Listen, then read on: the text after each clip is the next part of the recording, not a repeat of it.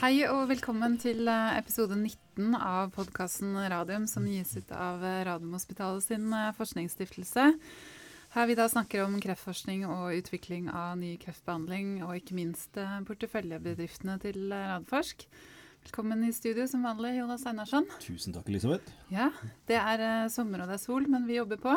Vi står på, så litt som alle, til. Som alle andre. Ja. Juni er litt sånn juni. Det er første juni i dag en av de mest hektiske månedene i året utenom desember. Det er det. Ja.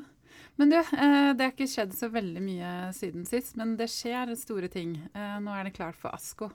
Kan As ikke du fortelle Asko åpner i morgen. Ja, det er, ikke, Bare begynn å fortelle, du. ja. Asko åpner i morgen. Eh, Jeg er ikke der nå, men det er mange av eh, våre selskaper og forskere og er klare til å dele, de- dele av kunnskapen og komme med nye nyheter og detaljer. Og ikke minst er vi selvfølgelig spent på at Targovax eh, legger frem eh, mer data og kliniske data rundt mm. TG02, TG01 og toårs overlevelsesdata. Så det, det blir spennende å se. Ja. Eh, og da tror jeg vi kan gi et lite tips om at eh, Dagens Medisin pleier å dra over dit med journalister. De pleier å være veldig flinke til å lage saker og tvitre om sakene og sånt noe.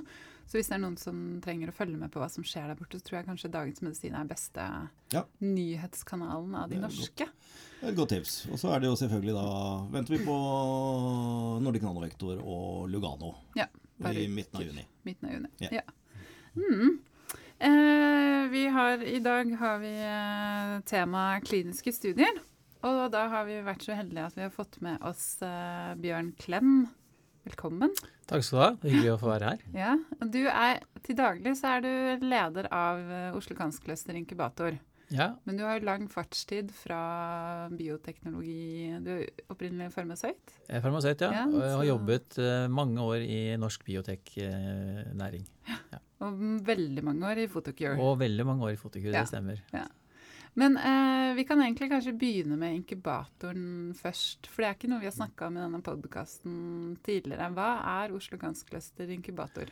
Ja, inkubator er jo litt uh, pussig ord i seg selv. Det er ikke sikkert alle skjønner hva det betyr. Uh, det er et, dette er jo et, uh, en del av innovasjonssenteret, Innovasjonsparken ved Radiumhospitalet, hvor vi eh, legger til rette for utvikling av biotekbedrifter.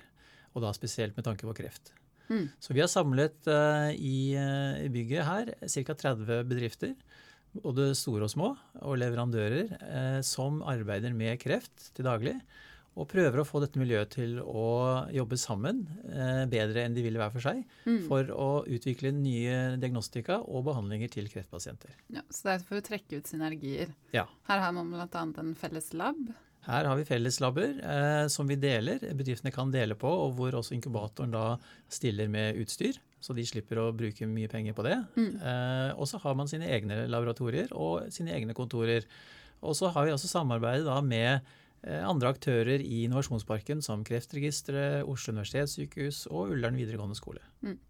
Og kanskje det viktigste er at vi har Mygla-området og kaffemaskin sponsa av Einarsson.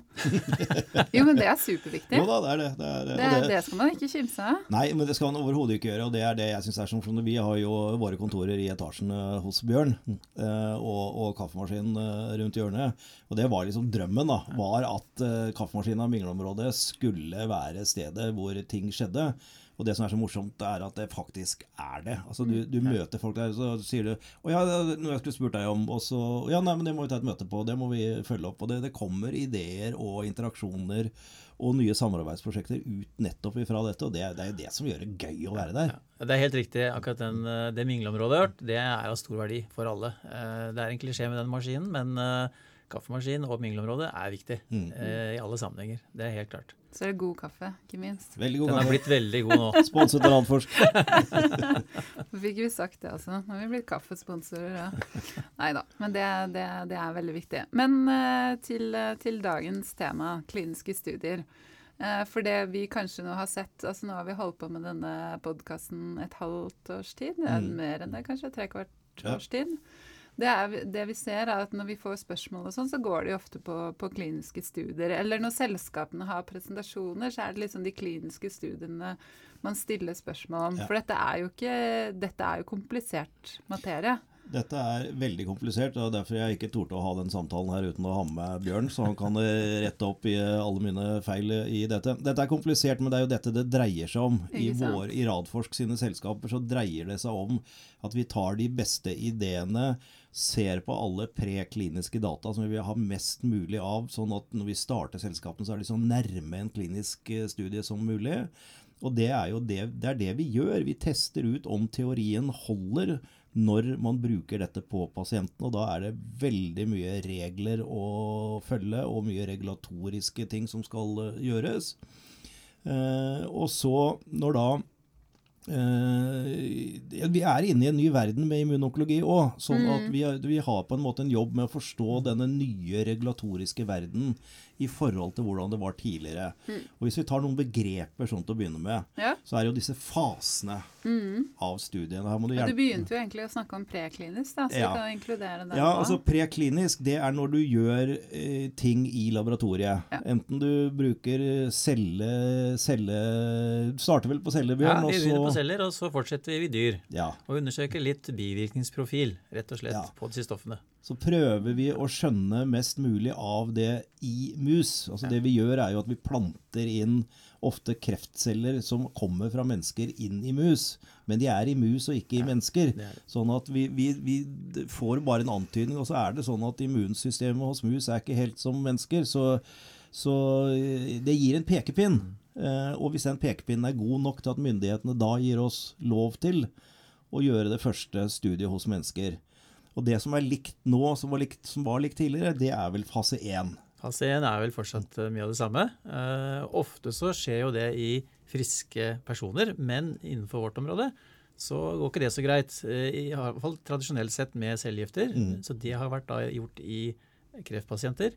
Når det gjelder immunterapi, så er jo det et spørsmål om man kanskje kan gått over i friske frivillige. Ja, altså PCI gjør jo faktisk sin uh, FIMA-VAC-studie nå ja. hos friske frivillige. Riktig. Uh, for det er jo en immunrespons som i utgangspunktet ikke bare er ufarlig, men er kanskje veldig bra for pasienten å, å ha. Så det har vi ikke diskutert før, men det er et veldig godt innspill. Kanskje dette flytter seg nå over at immunterapi også gjør friske frivillige, for å se på immunresponser, og da selvfølgelig TOX. Riktig. Og da er TOX, altså bivirkninger, ja. det er det aller viktigste i fase 1. Det er det viktigste, og her må vi så godt det lar seg gjøre da kartlegge om eh, pasientene eller personene får forskjellige bivirkninger. De tester ut på forskjellige organer, og de tester på, kanskje på hud og på forskjellige andre ting. Ja. For å se om dette er et, eh, en substans man kan gå videre med, for å vurdere effektene etter hvert. Ja, og da starter man som regel da, sant, med en meget, meget lav dose. Ja. Og så er det veldig ofte da folk lurer på hvorfor det tar så lang tid med disse mm. fase 1-studiene. Eh, men det typiske er det som Nordic Nanovektor eh, gjorde og holder på med nå. Det er jo at man starter med en lav dose. Så har man kanskje tre pasienter. Og så må det gå noen måneder før man kan vurdere mm. bivirkningene hos disse pasientene, før man får tillatelse til å gå ett trinn lenger opp. Nettopp. Og noen ganger, sånn som hos Nordic Nanovektor, så når du et punkt hvor bivirkningene begynner å bli så plagsomme at du ikke vil ha det, og går litt ned igjen. Men med immun, annen immunterapi så ser vi ofte ikke bivirkninger, og da er det litt mer sånn eh, godt nok i, i, forhold til dosering. Eh, men, men, det er TOX, fase 1. Mm. Så snakker vi ofte om fase 1 slash skråstrek 2. Og det er fordi vi gir dette til pasienter som er syke. Hvis vi hadde gitt det til friske frivillige, så kunne vi aldri sett på noe effekt. Nei. Men vi gir det til folk som er syke, så vi følger pasientene også utover akkurat denne perioden hvor vi ser på toksen, og ser hvordan det går med de. Ja. Derfor uh, så er den studien til uh, hvilken skal vi velge? Torgovax. Mm. Uh, med TG01-studien var en fase 1 slash 2-studie som først så på toksen, men har fulgt pasientene over to år og rapporterer effektdata etter to år. Mm. Uh, og da kan du si at vi ser på effekt, mm. men da sier alltid selskapene, og det skal de gjøre, dette er svært små tall, mm. og statistisk signifikans finner vi ikke i så små, små, tall. Men vi kan se signaler om effekt. Er ikke det riktig, Bjørn? det, er nok, det er en fin måte å si det på. Og det som er viktig å se på også, er at det er forskjellige typer kreftpasienter ofte i disse gruppene. Ja. Eh, Man er ikke bundet opp til én spesiell krefttype, men man kan inkludere eh, litt forskjellige. Ja, Det er sånne basket trials, det. Ja, Ja. riktig. Og da vil man kanskje kunne oppdage at i noen av disse pasientene så ser det ut som det har litt større effekt enn i andre, uten at vi snakker om noen signifikanser. Men det er jo på en måte en hypotesegenererende studie. Ja. Man får eh, tips til hvordan man skal kunne gå videre. Ja, og Både det, med tanke på dose og pasientgrupper. ja, og er ikke det, det noe av det viktigste her? At alle de dataene som genereres, det er de som tolkes og regnes på og brukes for å finne den rette designen for den neste større studien. Det er helt riktig. Ja. Nettopp. Men, men inklusjon av pasienter, kanskje vi kan snakke litt om det? Altså de pasientene som er med i kliniske studier. Nå sa du at det ikke nødvendigvis er avhengig av kreftform, men ofte så er det jo det. I de videre studiene så blir det jo det ganske raskt det. For da Mm. bestemmer man seg for en spesiell krefttype du ønsker å gå videre med, Mm. basert litt på de signalene man har sett i de aller første studiene. Ja. Så dette, dette er forskjellig, hvordan man Ja. velger det. Mm. Eh, Onkos-plattformen til uh, Torgovax, Mm. uh, Lytix uh, første studier, det ble gjort på sånn, det vi nå kaller for basketstudier. Ja, så det er alt slags mulige At, at du kan ta en masse forskjellige kreftformer, fordi du kun er der er du interessert i å få opplysninger. Ja. Du vil se hvordan immunsystemet Ja. svarer, på hvilken måte, alt sånt Mm. noe. Mens med TG01-studien så valgte vi å kjøre helt strikt på opererte Mm. bukspyttkjertelkreftpasienter. Så det kan være forskjellig. Ja. Eh, Hvis vi da fullfører det løpet ut, så, så ville man jo i tidligere uh, type studier, så ville man da etter denne fase 1, som det hadde vært da, gjort en fase 2 som var større. Typisk 40-50-60 pasienter. Uh, og så se på dataene derfra, og så planlegge den store fase 3-studien med, med randomisert og flere armer og tusenvis av pasienter og sånn. Det var kjemoterapien tidligere. Det vi nå snakker om, som både eh, Targovax planlegger på TG01, og som PCI planlegger på sin eh, Fimakjem-studie, det er å gå til myndighetene og diskutere en registreringsstudie. Det vil si at en studie, hvis den er god nok og gir de gode nok resultatene, så kan det føre til at man kan sende inn en registreringssøknad. Det er det Nordic Nanovektor skal begynne med i år, med sin Paradigm-studie. Og da spiller det ingen rolle om du kaller det en utvidet fase 2, en fase 2B eller en fase 3-studie. Det det er, det er Jeg synes jeg heller skal bruke uttrykket en registreringsstudie. registreringsstudie. Ja. Og, og da hender det at man etter den studien så får man lov å begynne å markedsføre produktet, men selskapet blir pålagt en del ting. Ja.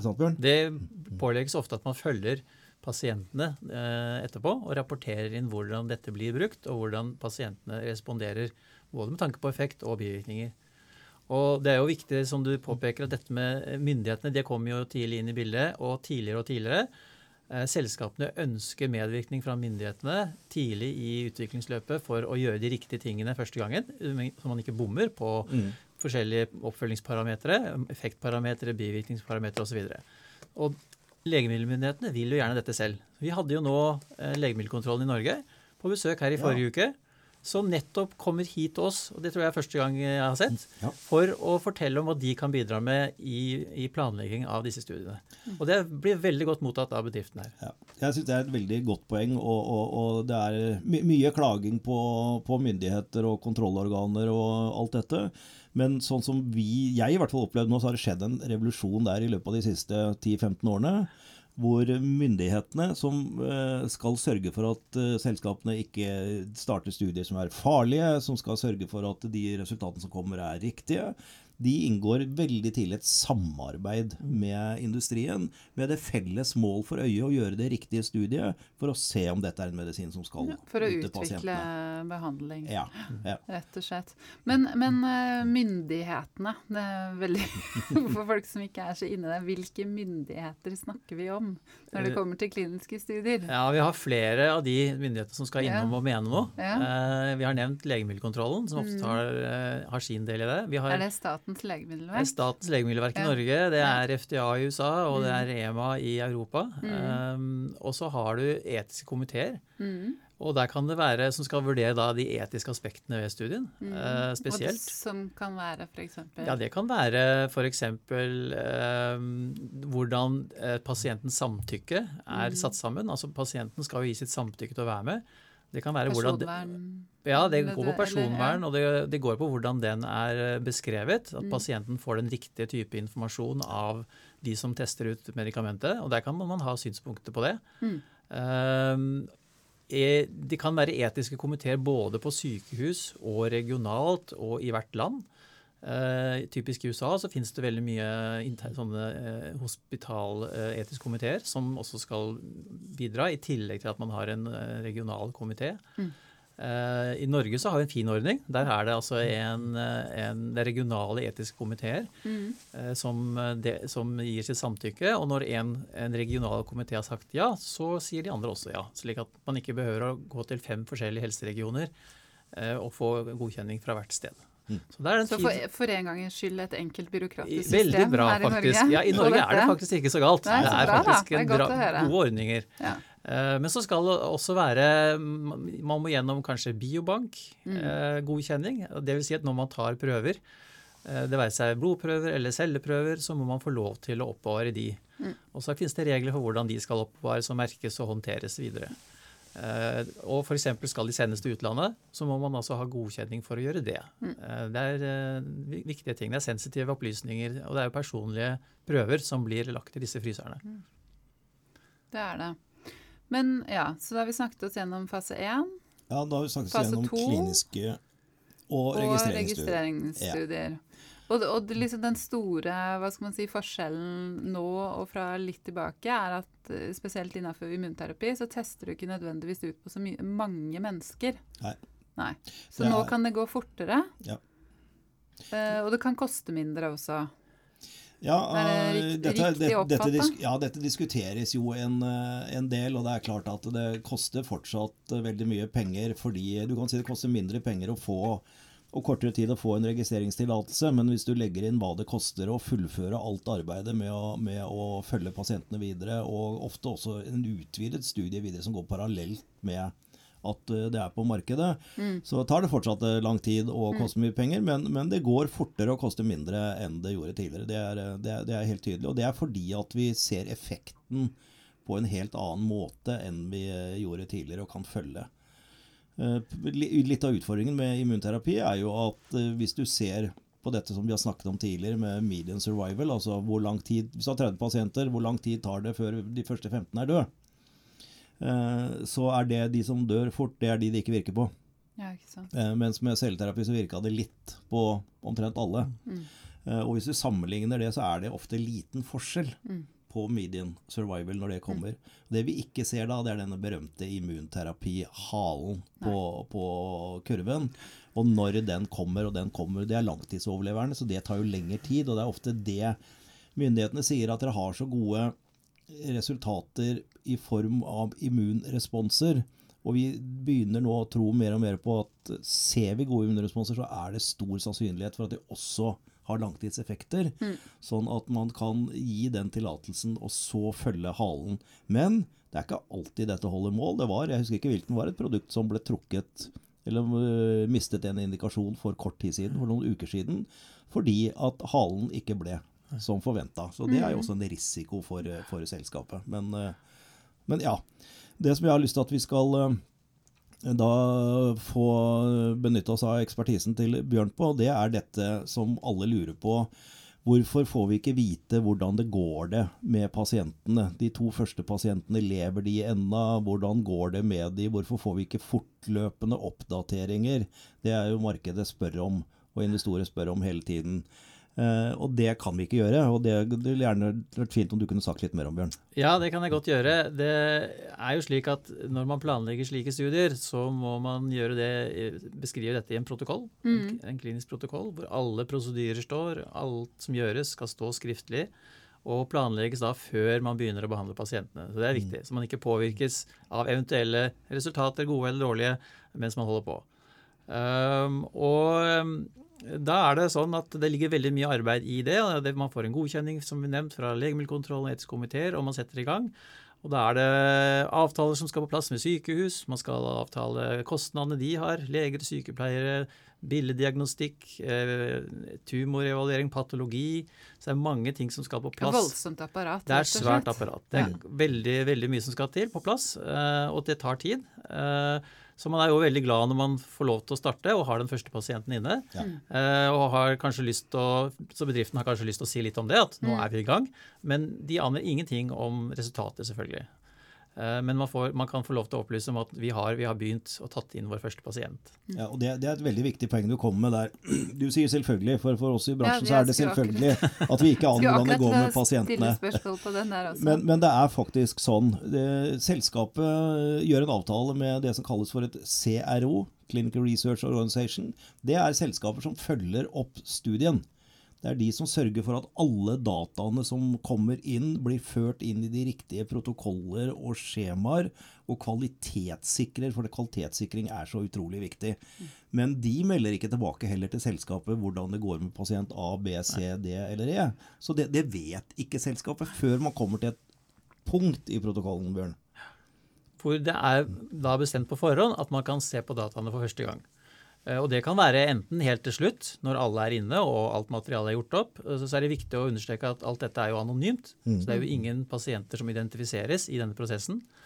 Eh, så kan det også være at man har valgt i protokollen å si at vi vil se på dataene halvveis, på halvparten av pasientene f.eks. Så tas det til følge i forhold til de statistiske beregningene. Og da kan det være et beslutningspunkt som sier at hvis resultatene er kjempegode, så får man lov til å stoppe. Og så kan man eh, gjerne, hvis studien er blindet, så kan man åpne blindingen, og så kan man tilby de som ikke hadde fått aktive, det aktive medikamentet, også den behandlingen. Mm. Eller man kan beslutte at dette, denne studien fortsetter vi som planlagt. Mm. mm. Eh, og fullfører som, som, den ellers ville ha gjort. Mm. Og det selskapet kan melde da i utgangspunktet er uh, bruke uh, TG01 og Stargovac som eksempel igjen, det er når alle pasientene hadde gått to år fra de starta behandlingen. Mm. Siste pasient gått to år. Da gikk de inn og så rett og slett hvor mange pasienter lever etter at de har vært to år i behandling. Mm. Og da gikk, meldte selskapet at den prosenten er 68 mm. var det. Det er det selskapet kan melde, for det er på en måte et sånt målepunkt man har blitt enige om. Og så kan du si hva ligger bak hvilke data, hvilke immunresponser er det? Hva, hva, hva forklarer dette? Eh, korrelerer det med, med, disse dataene? Det er det klinikerne, de som driver studien, det forklarte Bjørn meg i stad, veldig godt poeng. Og det er de som da publiserer disse dataene. Derfor er det altså forskerne, klinikerne, som skriver en rapport ut fra dataene og søker ofte om å få lov til å presentere det på en vitenskapelig kongress. Det er altså ikke selskapet som presenterer de kliniske vitenskapelige dataene bak de tallene som selskapet publiserer. Nei, Det er riktig. Ja. Det er helt riktig. Så, så, selskapet har ikke noe med det å gjøre i det hele tatt? Selve publikasjonen har ikke de noe med, men det er Nei. klart det vil lages en rapport fra ja. studien ja. som uh, selskapet vil uh, se på. Mm. Nå er det viktig å si da at det, disse resultatene de er slik at de, de uh, renses og sjekkes, og så låses databasen mm. før noe av dette blir gjort. Mm. Sånn at disse dataene er låst. Du kan ikke gå tilbake hvis du ikke liker resultatene og, og prøve å gjøre forandringer på dem. Du kan ikke gjøre noe juks her? Nei, det, skal, det lar seg ikke gjøre. Det er jo enda godt å høre. Ja. ja. sånn at uh, dataene er da låst, og så ja. vil man uh, publisere på de og rapportere på de. Mm. Uh, og da er det, som, som Jonas sier, da, at det er forskerne som, som, publiserer dette på kongresser. Mm. Uh, og så er det selskapet som får en rapport som beskriver resultatene, og som de vil jobbe videre med i forhold til om de vil gå videre, og på hvilken måte de vil gå videre. Mm. Og hvis det da ikke, hvis det ikke er gode resultater, da, for å si det sånn, blir det da publisert? Det har nok vært eh, tendenser til at man har holdt tilbake, i hvert fall forsinket, den type publisering. Mm. Mm. Det har det vært en del diskusjoner rundt, slik at man nå oppfordrer selskapene til å publisere alt. Mm. Eh, I dag så er det også registre hvor alle studier legges ut. Mm. Altså Man har pålagt å legge studier som man setter i gang, på nettet. Mm. Eh, og Da vil alle kunne se at studien er der, og forstå litt generelt om hva det dreier seg om. Det er altså en informasjonskilde for pasienter som ønsker en, å være med i en studie, og se at det pågår en slik type studie, hvis man har en, en diagnose som tilsvarer inklusjonskriteriene. Um, sånn at det er mer og mer nå åpenhet rundt det. og jeg, Det har også nå i økende grad blitt uh, noen selskaper så uh, får man også tilgang til rådata fra studiene. Dvs. Si at du kan ettergå uh, statistikken Ja, og gjøre, Sjekke be, det. sjekke beregningene. Mm. Og Det tror jeg vi kommer til å se mer og mer av etter hvert. At det blir større og større åpenhet rundt alt som skjer i, i disse studiene. Slik at man er mer og mer sikre på at det er riktig det som kommer ut, og har da mulighet til å kontrollere. Men altså, hvis- spørsmålet er om et selskap kan forhindre at det blir publisert dårlige data fra et studie så Jeg er ikke helt sikker på om det gjelder internasjonalt. Jeg tror det, men jeg vet det gjelder her i Norge. At i kontrakten som gjøres mellom selskapet og sykehusinstitusjonen, så står det at forskerne, klinikerne, har rett til å publisere. Og så er det noen eh, frister som ligger der i forhold til patentering og andre ting. Men et eh, selskap kan ikke forhindre klinikerne forskerne å publisere resultater, selv om det er dårlig. Jeg tror Grunnen til at jeg spør, egentlig, er jo mer at dette er jo sånn generell diskusjon som man har innenfor forskning også. At det er ikke alltid at man publiserer ting når ting ikke går etter hypotesen. Når ikke du har de dataene som du, du vil, vil ha. At det på en måte har vist seg å ha vært en liksom bias i forhold til det at du kun publiserer de studiene hvor, hvor det er liksom tommel opp i forhold til det du gikk inn og forventet. Ja. Det er klart det er mest interessant å publisere positive data, men på den annen side kan man Ikke jo også nødvendigvis, for da må jo noen gå etter og liksom tenke når man får den lyse ideen at ja, dette skal jeg gjøre. Hvis det nå, da hadde vært noen som hadde publisert negative data på det, så hadde man jo ikke trengt å gjort en studie på nytt Det er helt riktig. Og negative Så- data kan være vel så viktige. Ikke sant? Eh, Det som kan også ha vært en problemstilling, er at man kanskje, publikasj, eller eh, tidsskriftene ikke har vært så opptatt av å akseptere de publikasjonene. Nei, ikke sant.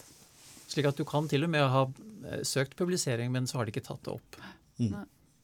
Nei, så det er Det jo finnes- sånn generell sånn forsknings... Eh, forskningspubliseringsdiskusjon som har ja. gått der ute.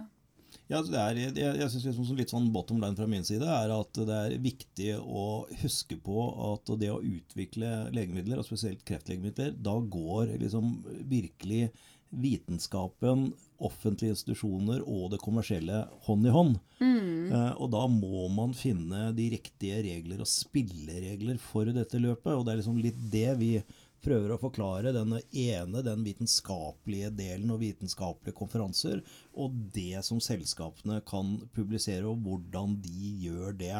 Så dette har vi jo sagt tidligere, Elisabeth, at det er når disse dataene kommer, så er det hvilken beslutning selskapet tar, som er det viktigste for selskapsutviklingen. Er dette godt nok til at vi mener at vi skal gå videre og sette mer penger inn i en utvidet studie? Så det går sånn trinnvis, og det må gå trinnvis. Det er ikke, det er ikke mulig å, å, å lese som i et annet selskap og lese båndlinja fra dag til dag. Det, det er sånn det er. Ja, så tror jeg det er viktig å være edruelig i forhold til resultatene. Ja. Som du sier, Jonas, er det ofte på tidlig fase er det ofte på små grupper. Eh, Det er vanskelig å konkludere. Eh, Og det betyr også at en del bivirkninger ikke dukker opp. Som man kanskje treffer på når man begynner å inkludere hundrever og tusener av pasienter. Og det er jo det som skjer i økende grad eh, nå. Det er at fordi en del studier eh, godkjennes på lite tallmateriale, men med krav om oppfølging, Ja. så er det ikke, får man ikke den fulle oversikten over bivirkningsprofil på disse produktene. Og det, det er, har vært noen produkter da, som har blitt trukket tilbake. Både i sen fase 3, men også på, som har vært på markedet. Ja, det, det, jeg tror det Luigi også prøvde å, å si når han var her eh, på siste podkasten, det var at ut ifra de pasientene vi har behandlet til nå, så har vi denne bivirkningsprofilen, og vi mener dette er under full kontroll, og vi skal gå videre med dette. Men ikke se bort fra at det kan dukke opp noen overraskelser. Og da, hvis det dukker opp det, dukker opp en bivirkning hos pasient nummer 53 som du ikke hadde regna med, da må vi si vent litt, nå må vi se han her. Eh, Hvor alvorlig er denne bivirkningen? Snakk med myndighetene, snakk med legene. Legene sier ja, nei, den har vi ikke sett før, men dette er ingen problem. Dette kontrollerer vi, og, og myndighetene er enige. Ja, dette er ikke noe farlig. Gå, gå videre. Eller ops, her må vi gjøre noe. Kite Juno med sin CAR-10 pasientene døde pga. hjerneødem, ja, det er ganske alvorlig. Mm. Stopper studien umiddelbart. Ja, og da ser du jo at det har altså, samsvar med den behandlingen som de, som de, er med i en klinisk studie for. At ikke det har, har med noen andre ting. ikke sant? Dette, for det er også en vurdering ja, man må gjøre. Dette er veldig, veldig, veldig godt poeng. Eh, det er liksom årsak og virkning. Ja. Eh. Effektdata blir ikke rapportert eh, fortløpende til myndighetene. Det blir bare rapportert når man har gjort opp og sett igjennom eh, alt sammen. Adverse events, eller bivirkninger, mm. som dukker opp, de rapporteres umiddelbart til myndighetene. Mm. Og kommer det en ny bivirkning, så blir det en diskusjon mellom selskapet, utprøveren og myndighetene. Er dette håndterbart? Skal vi gå videre, eller skal vi stoppe opp og se på det? Eh, alle vet at vi fikk noen allergiske reaksjoner både hos Ultimovax og Targovax eh, som vi ikke hadde regna med. Mm. Eh, gikk i diskusjon med myndighetene og klinikerne, og fant, klinikerne sa disse er, er ikke noe problem for oss å ta det, men selskapet vil heller ikke gå ut med et uh, produkt hvor hvis det er bivirkninger de kan unngå. Så da diskuterer man ja, hva kan vi gjøre med det. Man eh, leter jo etter det optimale produktet. Ja. Og Targovax, det Targovax gjorde, var at de fortsatte den studien som uh, pasientene var inne i. Men så sa de at ja, men hvis vi gjør sånn og sånn, da er det mest sannsynlig at vi kan få like god effekt og bli kvitt bivirkningen. Og så la de på en ny kohort, altså nye, nye 13 pasienter, som får denne nye behandlingsregimet, og ser om vi da blir kvitt bivirkningen. Mm. Blir de ikke kvitt den, så er det ikke noe showstopper, men det er veldig deilig å bli kvitt de. Det er det. Og som en kuriositet så kan man jo, kan jo si at noen ganger så kan man faktisk utvikle et nytt produkt på den bivirkningen. Man går altså vekk fra den, det opprinnelige målet Eh, som for så vidt var et tilfelle med Viagra, som er et sånt gammelt, ja, ja. godt er, eksempel på det. det Viagra var jo egentlig en bivirkning av et blodtrykkssenkende medikament, ja, mm. men uh, endte opp som noe helt annet, som vi alle vet. Mm. Pasientene meldte fram noen underlige bivirkninger. det er helt riktig. Men uh, skal vi se, jeg har laga meg litt notater. Uh, vi snakka litt innledningsvis om at det er fint å høre litt om de ulike rollene på de som er involvert i kliniske studier. Vi har så vidt nevnt eh, CRO. Du har de utprøverne, klinika Kan ikke du si litt om disse ulike involverte, og hvordan de samhandler? Og jo, nå er det jo for det første litt uh, forskjellige aktører som kjører studier. De mm. fleste skjer gjennom bedriftene, mm. fordi de har midlene til det. Men uh, akademiske studier uh, er det en god del av også, særlig i tidlig fase. Mm. og da er det vel ofte, det, det ofte akademi, det akademiske miljøet, forskningsmiljøene, som kjører det selv. Men for å da holde fokus på bedriftene, så er det som Jonas sier, de leier ofte inn folk. Særlig de små bedriftene vil typisk leie inn konsulenter som hjelper dem med gjennomføringen. Altså bedriften vil alltid ha kontrollen på designet, kontakt med myndighetene og alt dette. Eh, men når det gjelder gjennomføring av studiene, så er det ganske krevende. Særlig hvis man opererer i mange land. Eh, og så vil det settes, bli satt ut til konsulenter. Mm. Eh, så vil de jobbe med både implementering av studien og innsamling av dataene sammen med sykehuset. Det er jo sykehuset som for så vidt fører alle pasientskjemaer. Så, så, konsulentene vil ikke gjøre det, men de vil bidra til å passe på at prosedyren blir fulgt, og at man får samlet sammen dataene og lagt inn i databaser. Mm. Og så vil man typisk ha et uh, konsulentfirma som gjør statistikken. Eh, på dataene. Mm. Eh, dataene kan også gjerne ligge i et, et, annet, eh, et annet, selskap, kanskje dette statistikkselskapet. Mm. Så vil de bearbeide dataene og som sagt rense dem og låse basen, slik at den er klar for å gjøres statistikk på mm. og avrapportere fra.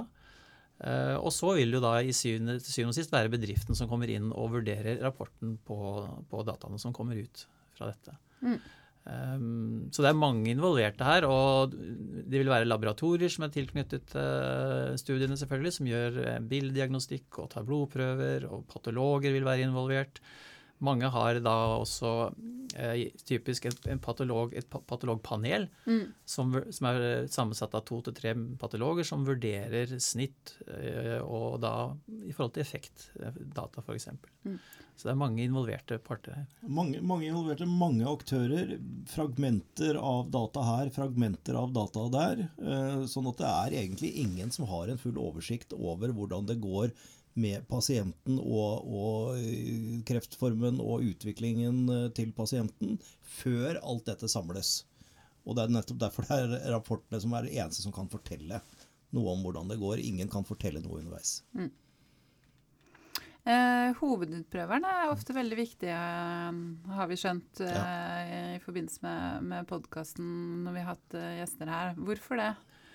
Eh, Hovedutprøverne velges ofte ut med litt med omhu. Det skal være folk som selvfølgelig kan feltet veldig godt. Mm. Eh, Så er det ofte erfarne leger som, som er kjent, også utover eh, sykehusgrenser og nasjonale grenser, Mm. som folk hører på. At- Meningsbærere. Meningsbærere. Opinion leaders. Ja, med godt norsk ord.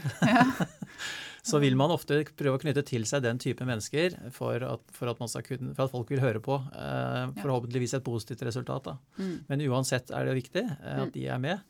Eh, og de vil ofte delta videre i studiene. Hvis det da er positivt det som skjer, må få gode resultater, så vil de ofte bli med videre. Og fordi de da har erfaring også med produktet fra tidlig fase, så blir de med videre og også er sterkt medvirkende i, i fase 3-studiet f.eks. Mm.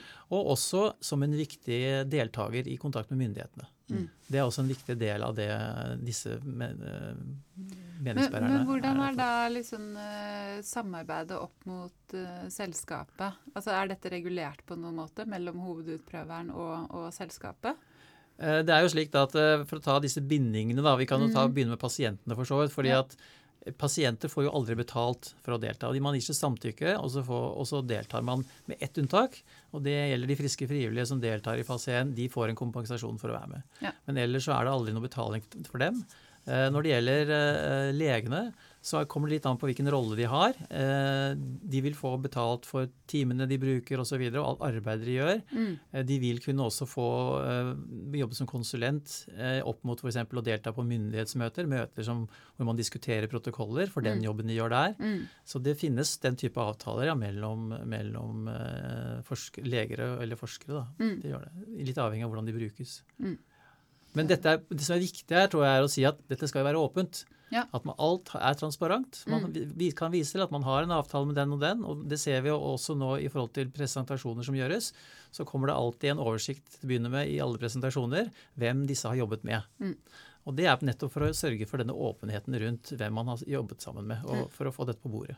Ja, der, der er eh, disse diskusjonene egentlig, spesielt i USA, ligget langt fremme, eh, lenger fremme enn det vi har hatt det her. Her har det liksom vært et spørsmål om habilitetsdiskusjoner. Kan nå den og den legen uttale seg om dette når han har samarbeidet med dette selskapet?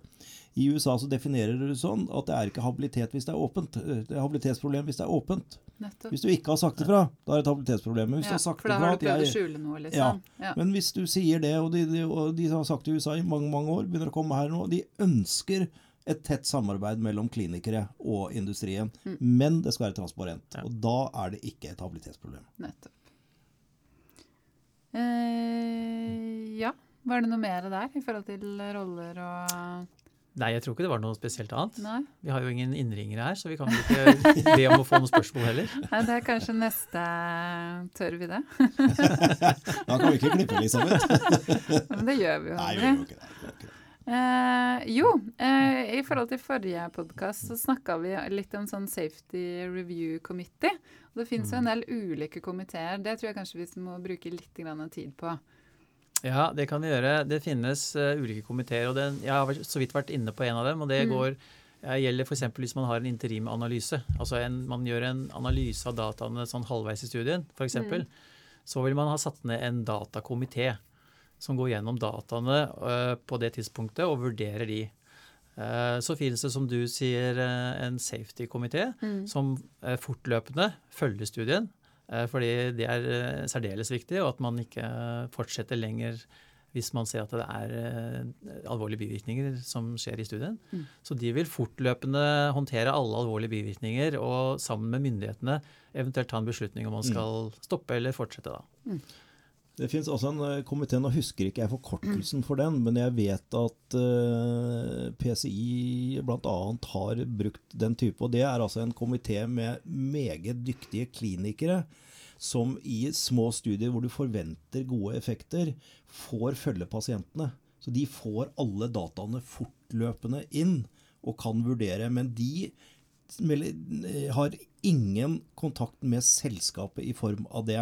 Deres rolle er at hvis disse effektdataene er så gode at det begynner å bli uetisk ja. å kjøre videre ja. med en, en blinda arm f.eks., ja. så kan de si til myndighetene dere, nå burde dere stoppe denne studien og mm. vurdere om ikke dere skal gjøre noe. For mm. det er uetisk å ikke gi dette tilbudet bredere.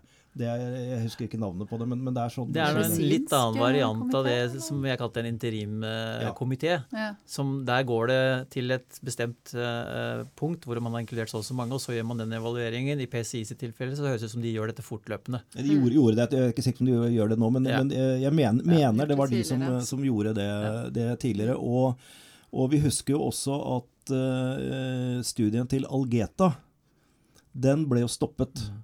Og, og, for det var uetisk å ikke å gi narremedisin til pasienter når de så at det var så med, med såpass god effekt. Og da, da, ble den stoppet, åpnet og fortsatt.